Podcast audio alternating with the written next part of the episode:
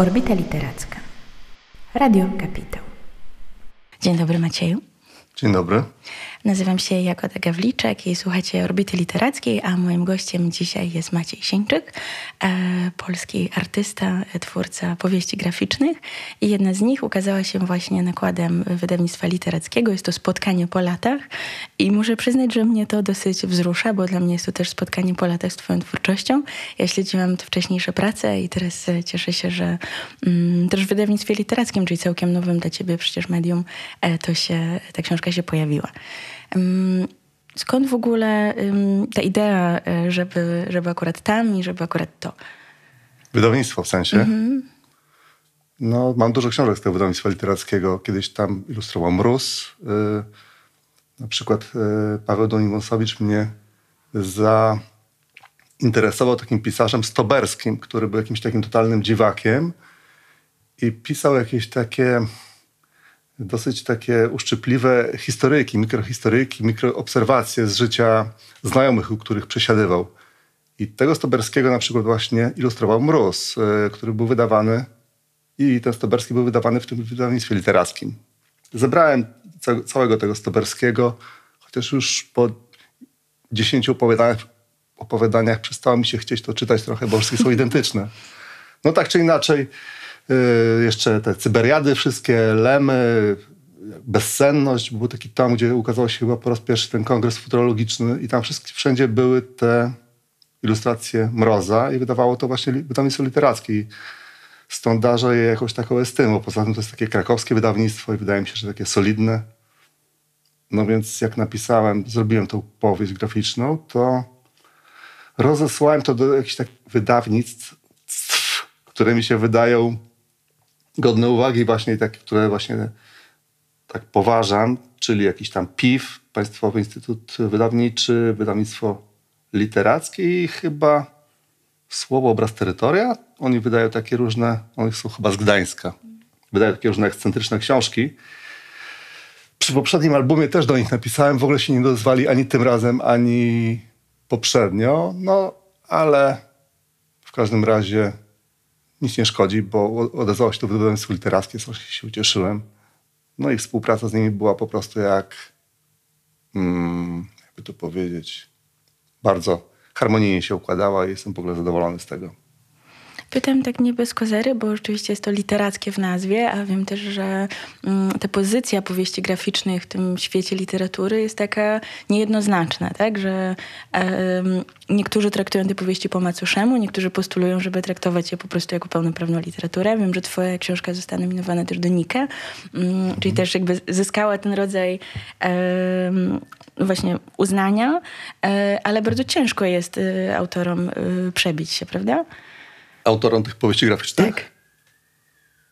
Możliwe, chociaż prawdę mówiąc nie śledzę losów y, powieści graficznych w Polsce, no bo jakoś wolę książki. Powieści graficzne nie czytam w zasadzie. Kupiłem tylko jedną, jedyną powieść graficzną, czy też komiks y, niejakiej, nie wiem czy ona się nazywa Zosia, ale być może tak, Kulik się nazywa, w każdym nazwisko dziewczyna.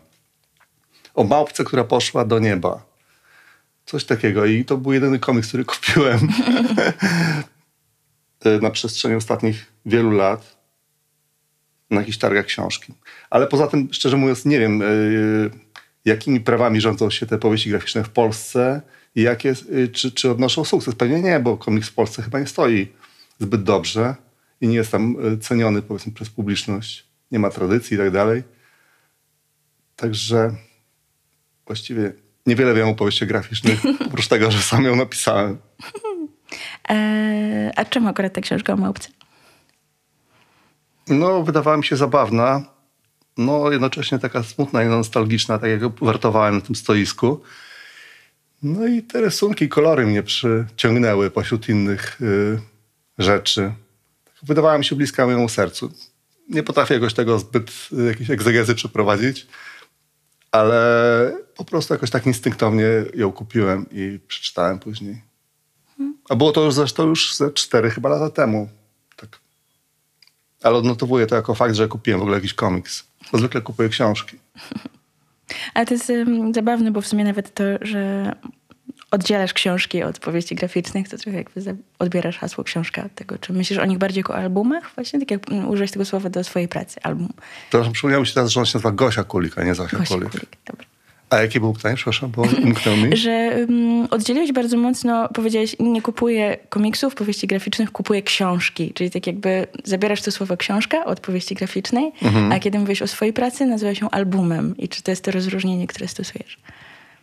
Nazywam to różnie. Komiksem, albumem, powieścią graficzną, nowelą, graf nowelą graficzną, dlatego że jakoś nie wiem, do czego to przypisać.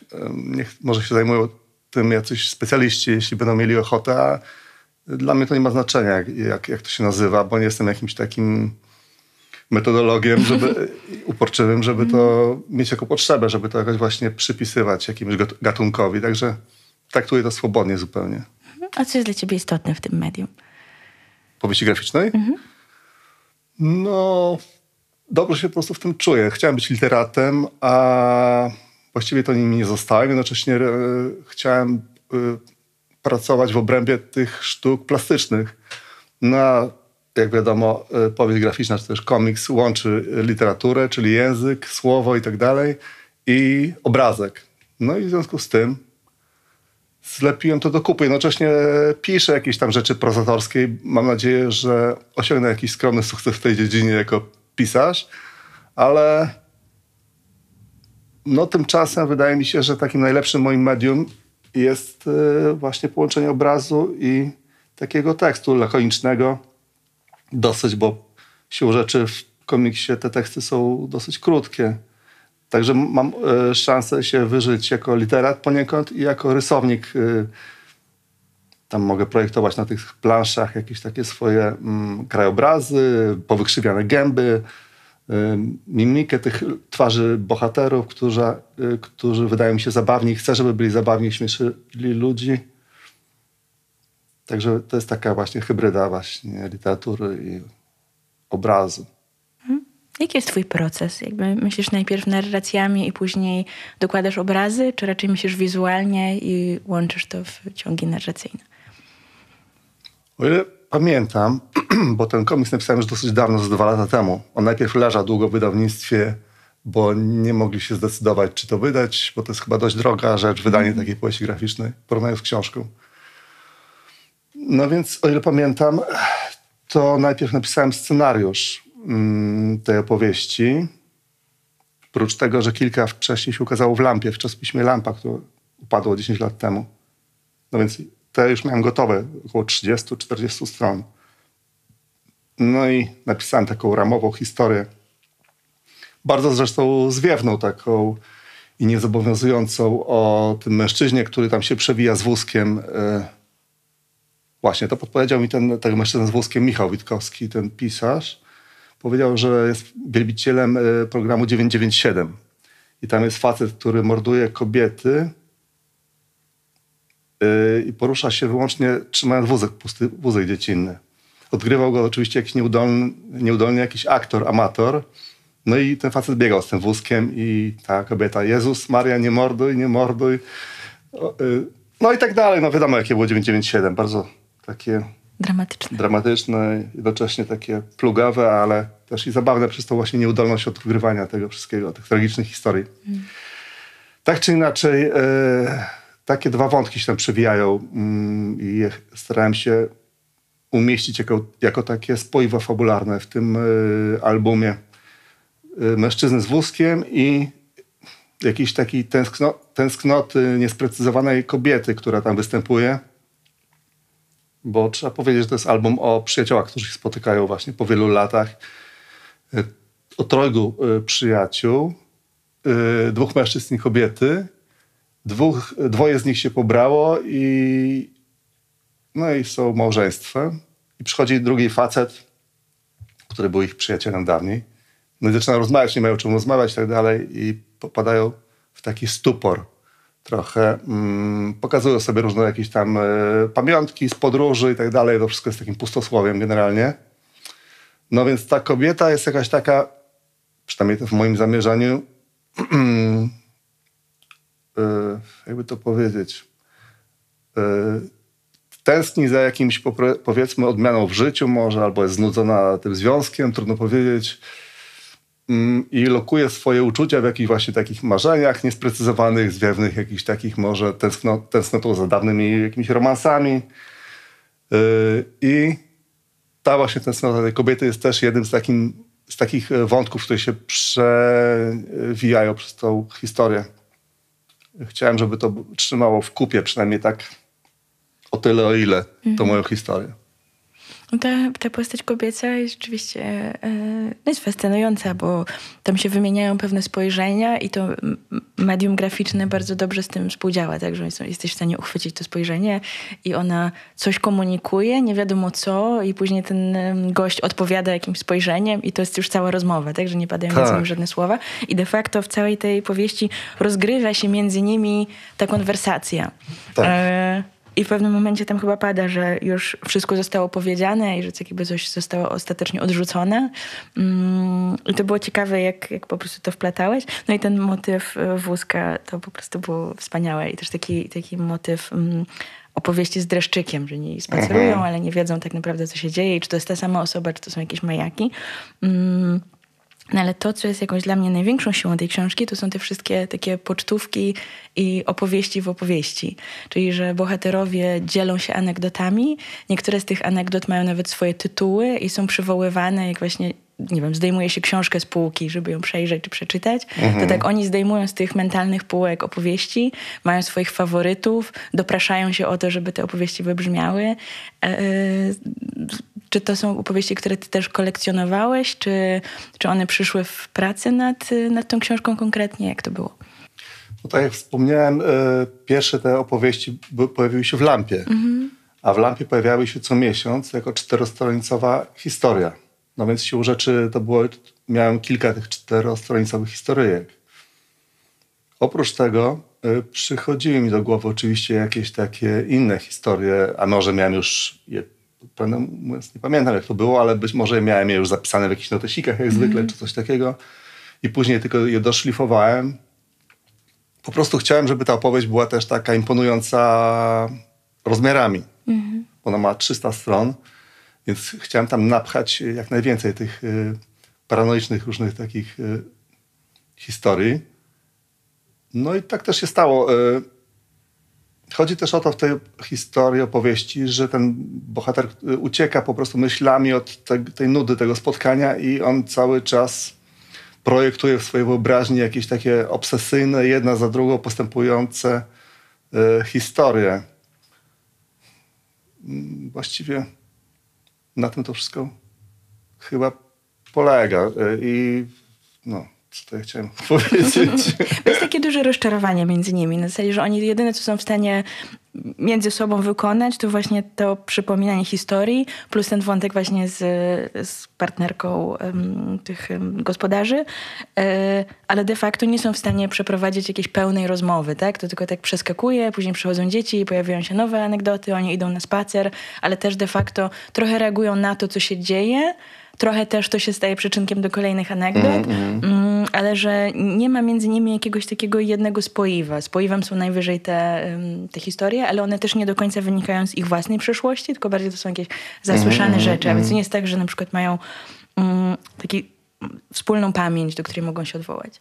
Tak, oni też zagłuszają y, brak tematów i jakoś taką, y, taki dystans, który się między nimi wytworzył poprzez właśnie rozpaczliwe takie wydobywanie z pamięci i z wyobraźni mm, jakichś takich kolejnych opowieści. Skąd wzięły się szumiące butle? Szumiące butle się wzięły stąd, że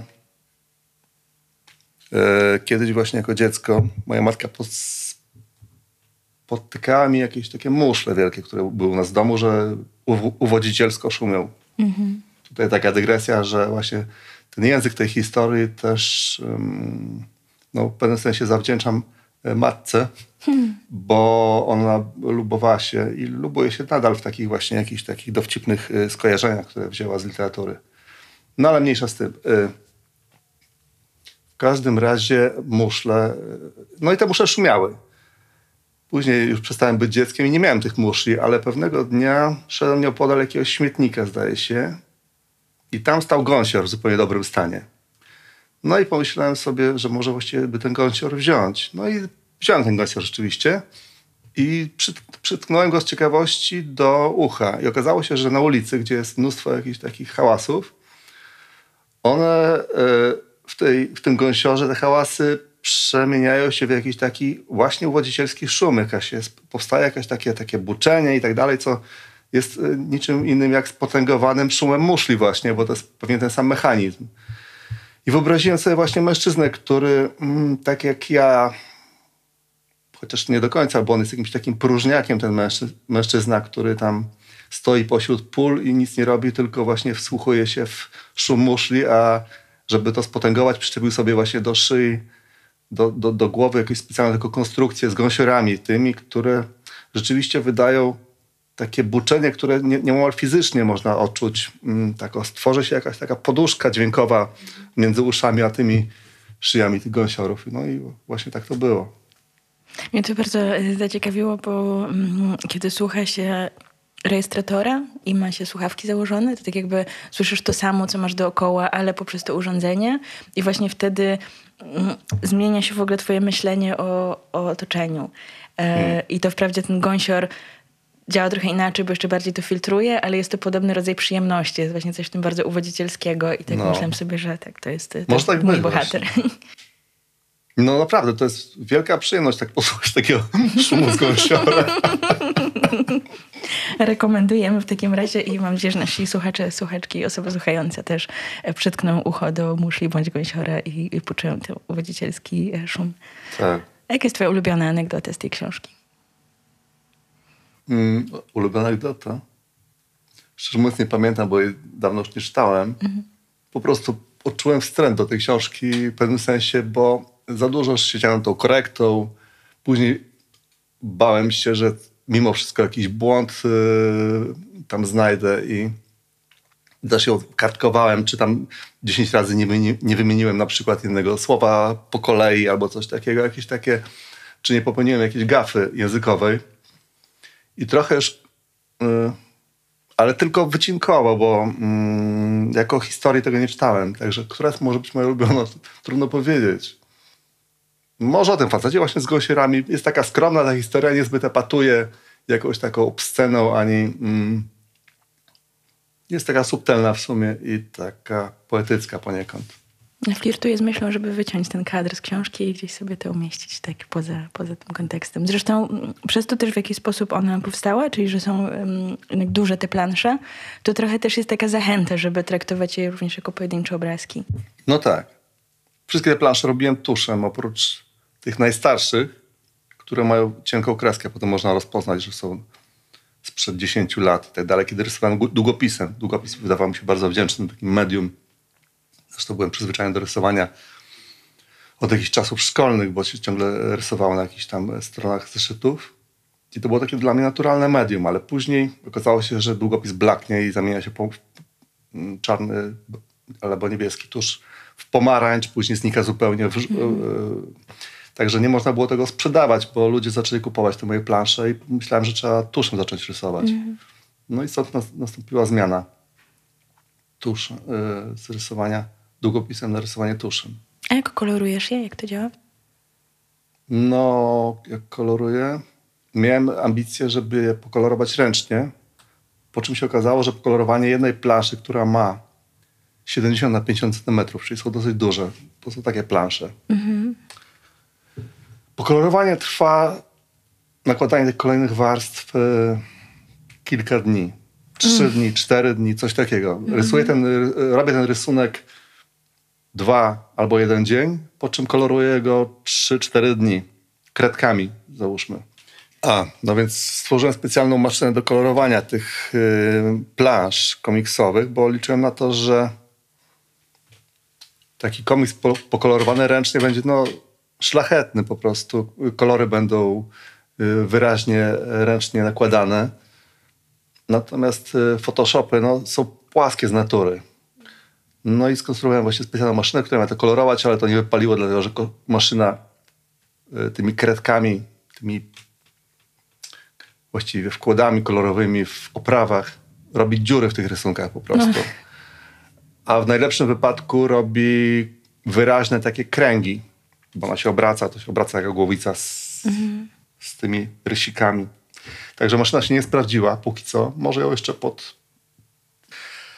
Ale póki co koloruję to w y, komputerze te moje prace, plansze komiksowe. Tylko podkładam papier pakowy pod spód i, i to, ten kolor płaski robię lekko przezroczysty. I wtedy jak wychodzi faktura papieru, robi się taki bardziej szlachetny i ma taki polot y, starego rysunku z tego obrazka. No tak, bo myślę, że rzeczywiście, jeżeli rozmawiamy o 350 stronach, to jeżeli każda jedna plansza to miałoby zająć ci tydzień, no to to byłaby No właśnie. dosyć żmudna, żmudna Nawet praca. e, Mhm. delikatnie roz, rozesłałem Wici, czy by ktoś nie mógł mi kolorować tego. Mhm. Jakaś skromna kobiecina na przykład by siedziała i kolorowała e, w zamian za obiad, czy tam skromne wynagrodzenie. I nawet się jedna zgłosiła. Ale jak obliczyłem, e, Ile ile, ona żąda, już nie pamiętam ile chciała, ale w każdym razie bym był zrujnowany, gdybym e, chyba chciała 400 zł za rysunek, czy coś takiego. No więc a nie zdawała sobie sprawy w ogóle z tego. Nie, za godzinę chciała chyba 50 zł. A skoro to trzeba kolorować kilka dni, to tych godzin by się zbierało sporo, naprawdę. No tak. Więc ona nie zdawała sobie sprawy z tego, jak to jest pracochłonne chyba. No i Kto wie, może ma swoją własną maszynę kolorującą i poszłoby jej to sprawniej. Mocno w to wątpię, ale może i tak. E, A skąd bierzesz kolory? To jest tak, że próbkujesz na bazie kolorów, które masz w rzeczywistości, czy już wyszukujesz to w, programie graficznym? Jak to działa? Stalam po prostu kolory tak e, suwakiem, e, który mi się podoba. Kolor spodni, spo- kolor koszuli u poszczególnych bohaterów. I jak raz ustalę, że na przykład, bo to wszystko ma być takie skromne kolorystycznie, zgaszone, nie rozbuchane. Mm, No więc jak ustalę już te takie kolory poszczególnych części garderoby moich bohaterów, to już to zostaje. Mamy taki wzór, że tak powiem i wszystkich ob- obdzielam tym, tymi kolorami po kolei. A gdyby... Niebo tak samo przecież koloruję, bo niebo e, mniej więcej no, zmienia się w ramach pór e, dnia, bo robi się takie coraz bardziej zachodzące słońce i tak dalej, e, robi się takie różowawe. Ale generalnie niebo też jest we wszystkich e, planszach taki sam, taki sam kolor. Jest e, firma Pantone, która wypuszcza kolor roku i takie próbniki z nazwami kolorów. Jak wyglądałby kolor sieńczyk? Taki cielisty łososiowy. Czemu? To jest taki infantylny kolor trochę, taki dziecinny, ulubiony kolor dzieci. Kredeczki różowe i tak dalej, jakieś takie kolor skóry niby, ale jednocześnie właśnie taki różowo-pomarańczowo-ceglany, nie wiem jak to na- nazwać, plus trochę szarości, taki zgaszony, czyli taki właśnie dziecinny kolor plu- plus dekadencki, zgaszony, mm, zgaszona szarość. A czy to też, to może za bardzo psychoanalityczne, ale czy to jest jednak znakiem tego, że te historie, że ci ludzie są dla ciebie najważniejsi w książkach? Że nie właśnie mm, ich otoczenie, nie to niebo i tak dalej, ale jednak w centrum jest człowiek? Ten kolor, mówimy o kolorze? Nie, ale że tak jakby kolor trochę jest symbolem tego zainteresowania, tak? Że jednak to jest bardziej o ludziach niż o na przykład o zieleni i niebieskim, które ich otaczają, tylko że tak jakby... Może, nie myślałem, to musiałem teraz siedzieć długo i się zastanawiać. Czy, przepraszam, ten kot nie przeszkadza tu? Jest zachwycający. Czy nie? Nie, nie, nie, Nie. jest okej. O ile nie będzie mi siedział na głowie i łapkami mnie dziabał, chociaż to w sumie też byłoby przyjemnym cofem. Jakby co? Cokolwiek. Chciałam powiedzieć, że jeżeli wejdzie mi na głowę i będzie mnie tak czochrał rękoma, łapkami, ale w sumie to i tak byłoby przyjemne, więc y, tak jestem No może, otwarta może. na scenariusze. Miał przycinane wczoraj pazurki, także Okej. może czofrę. Wspomniałeś za kulisami, że szykujesz się do wystawy. Powiesz coś więcej o tym? W Galerii Atak e, we wrześniu, w tej chwili nie pamiętam którego, chyba 9 albo 7, ale to wszystko będzie ogłoszone w swoim czasie, będzie wystawa plansz do tego albumu, oryginalnych rysunków i wydruków. Trochę chodzi o to, żeby porównać, mm, jak e, wyglądał oryginał ze swoimi wadami, z tymi spojrzeniami, o których mówiliśmy, mimiką twarzy, która mm, czasami mnie nie, zadowalała i po prostu jeszcze raz rysowałem oczy i wklejałem już w komputerze, w programie komputerowym y, z innego rysunku oczy przenosiłem do już narysowanej planszy gotowej. Kombinowałem właśnie z grymasami ust, wstawiałem twarze po prostu, wycinałem twarze stare, rysowałem je od nowa, bo nie podobały mi się grymasy, tam grymasy są jednak ważne. Mm. No i chciałbym właśnie porównać oryginały rysunków z finalnym z finalną planszą, która się znalazła w, album, w albumie i to właściwie ma na celu ta wystawa w galerii Atak na Mazowieckiej. Mhm. I czujesz, że to jest dla ciebie ważne też, żeby pozycjonować siebie jako artystę grafika? Czy to jest jakby istotne?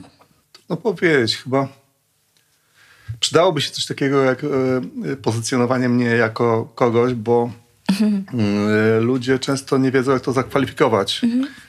A przydałoby się mm, jednak na, mieć jakąś taką e, jawną specjalizację w jakiejś dziedzinie, bo to też ma swoje takie konsekwencje y, sprzedażne, powiedzmy. Mhm. Malarze sprzedają swoje obrazy jako malarze, a ja właściwie nie wiadomo, jako kto te swoje plansze sprzedaje. Czy to jest właśnie jako plansza komiksowa, czy to jest dzieło sztuki samoistne, bo często to grawituje w kierunku jakiejś takiej właśnie rysunku jako takiego, niekoniecznie podporządkowanego materii komiksu, fabule. Mhm. Także czy jestem ilustratorem właściwie książek, e, czy, czy to są ilustrowane książki, czy to są e, jakaś inna forma medium. Także e, sam żyję w jakimś takim chaosie, że tak powiem, metodologicznym. Nie wiem, kim ja jestem. Okej. Okay. E, no właśnie, bo masz też doświadczenie w ilustrowaniu książek. E, I czym to jest dla ciebie jako jaka podróż? Na zasadzie, czym to się różni też od tworzenia własnej sztuki? Na ile masz na przykład wolność też, żeby mm, podążyć za jakąś swoją intuicją, a na ile masz jakoś ściśle określone ramy też tutaj w ramach takiej współpracy? No zwykle ludzie, którzy mi zlecają y, ilustrację książek, wiedzą, że jestem takim samoistnym bytem i chociaż niektórzy nie wiedzą, ale z reguły nie, nie narzucają mi po prostu szybko swoich... Szybko się dowiadują. Poprawek, szybko się dowiadują. No bo najgorsze jest to, jak na przykład ktoś mi zleci ilustrację jakiejś książki albo wykonanie jakiejś planszy, na przykład medycznej, bo to też się zdarza, jakieś piramidy żywieniowe na przykład kiedyś robiłem. Pracowałem też w jakichś wydawnictwach właśnie medycznych. A właściwie jednym, ale mniejsza z tym. No więc jak mi narzucają za bardzo swoją wizję i poprawki zgłaszają nieustannie, to ja wytrąca mnie to szalenie z rytmu i często po, po, po, powstaje gniot z tego.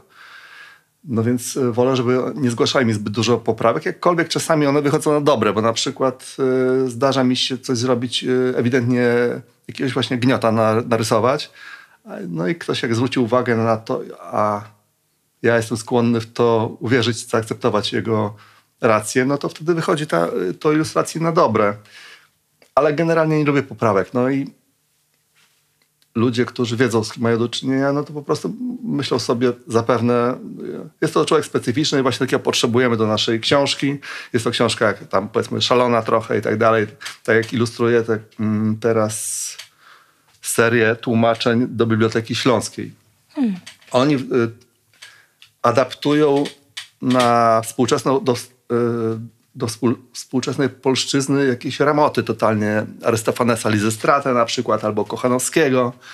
Chcą, starają się zainteresować młodzież y, nowym y, językiem, ubierają w nowej, jakby to powiedzieć, że odświeżają tłumaczenia, masz na myśli? Że tak jakby uwspółcześniają? Tak, czy... uwspółcześniają przy pomocy na przykład jakiegoś rytmu rap, rapu. Ja w ogóle hmm. dokładnie nie wiem o co chodzi, ale mhm.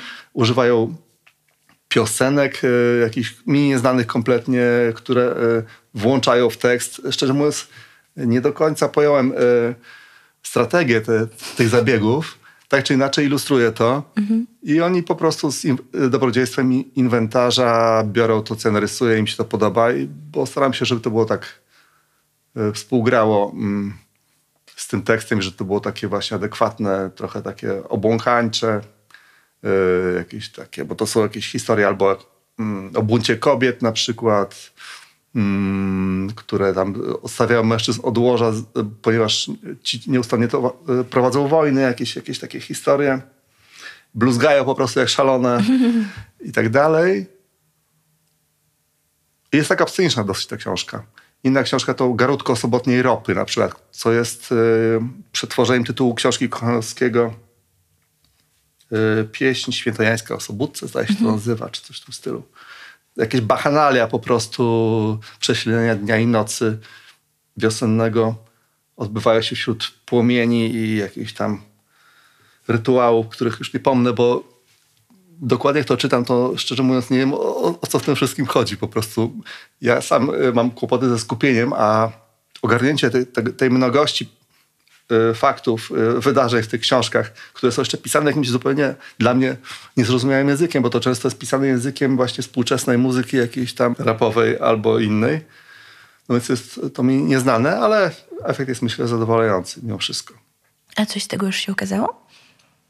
Czy to dopiero Tak. będzie wychodzić? Szosera opowieści kanterberyjskie, Garutko Sobotniej Ropy, Lizy Strata Arystofanesa. Chyba te trzy rzeczy. Może coś pominąłem, ale wydaje mi się, że to... To muszę sprawdzić, bo brzmi to y, intrygująco. Gdzieś to kiedyś miałem, ale nie wiem gdzie. W przyszłym roku może. Zobaczę, znajdę. Rozmawiamy na em, warszawskiej Pradze i zastanawiam się, na ile ten anturaż sprzyja kolekcjonowaniu tych historii, tych dziwności i że jednak tutaj mam wrażenie, że czas płynie trochę inaczej. Mm, jest trochę wolniejszy, więc i sobie pozwalamy też na jakieś chciałam się randomowe, ale takie po prostu rozmowy ad hoc. Myślisz, że to, że jesteś tutaj też wpływa na ciebie i na twoją twórczość i twój rytm życia? Chyba nie, bo moja twórczość e, i rytm życia były takie same, jak mieszkałem zupełnie gdzie indziej. Właściwie taki mm, usposobienie i taki mm, skłonność do dziwactwa miałem e, zawsze, jak mieszkałem też e, w Lublinie, zupełnie po- poza Warszawą, jako młodzieniec. Także Praga, myślę, tu nie ma nic do rzeczy. Ja właściwie żyję w tym świecie, który tutaj jest y, pośród książek, jakichś tam swoich kolekcji i tak dalej. A ta lokalność tej Pragi, czy też jej koloryt jakoś nie, wpływa, nie wpływają na te moje dzieła. To w sumie mam tylko jeszcze jedno pytanie, tak mi przyszło do głowy. E, czyli, no bo tak, ukazała się ta książka i powiedziałeś, że było dwa lata przerwy, zanim tak jakby to em, wyszło na jaw i do publiczności. Czy jest tak, że pracujesz nad czymś teraz? Czy masz jakieś plany też właśnie e, na kontynuację tego, na przykład w wydawnictwie literackim, czy coś zupełnie innego? Nie wiadomo, czy literackie wydawnictwo mm, przyjmie moje następne, moje następne dzieło, bo nie wiadomo, jak to się będzie sprzedawało.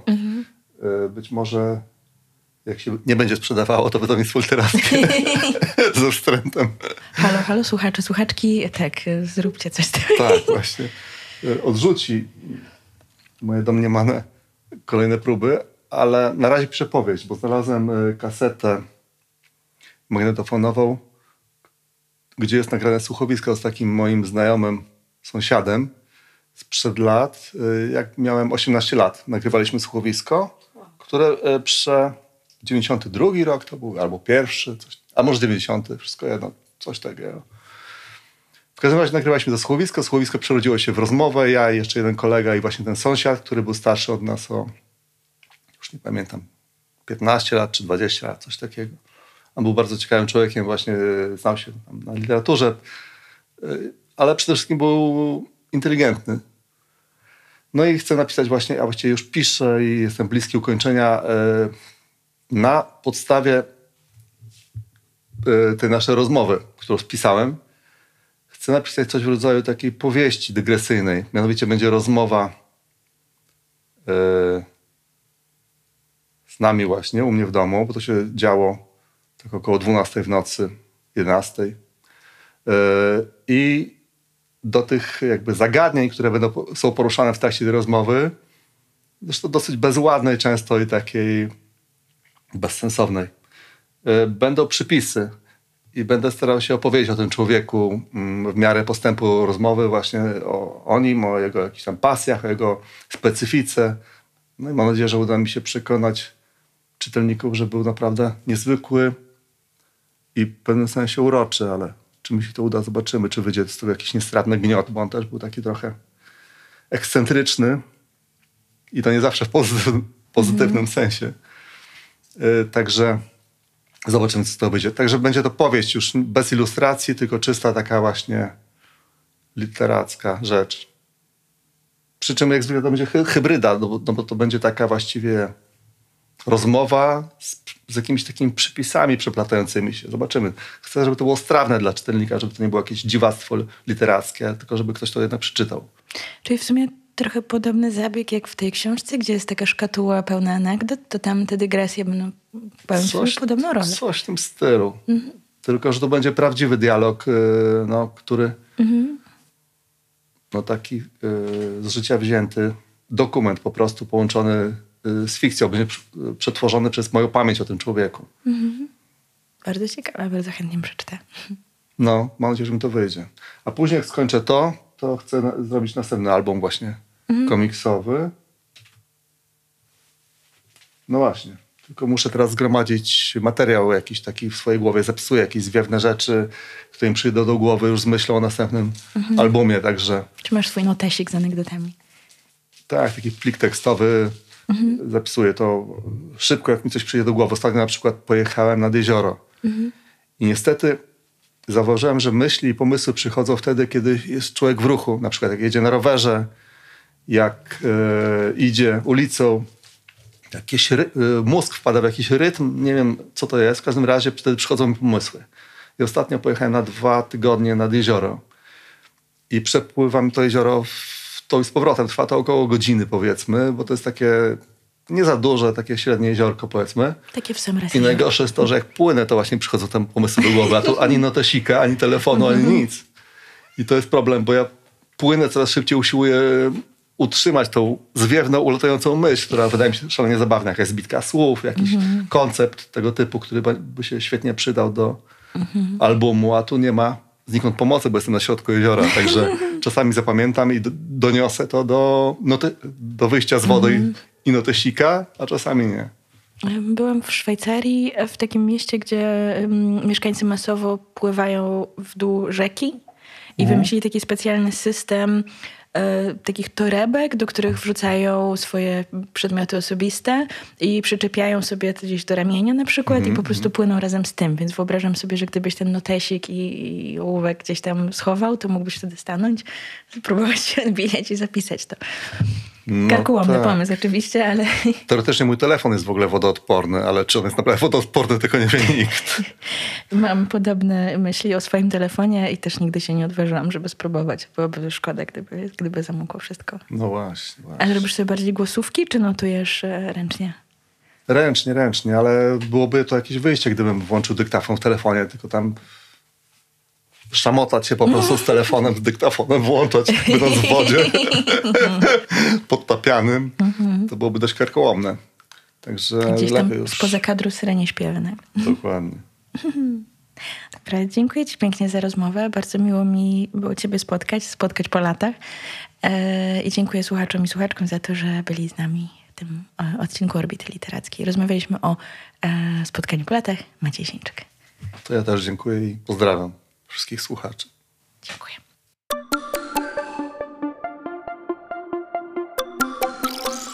Orbita Literacka.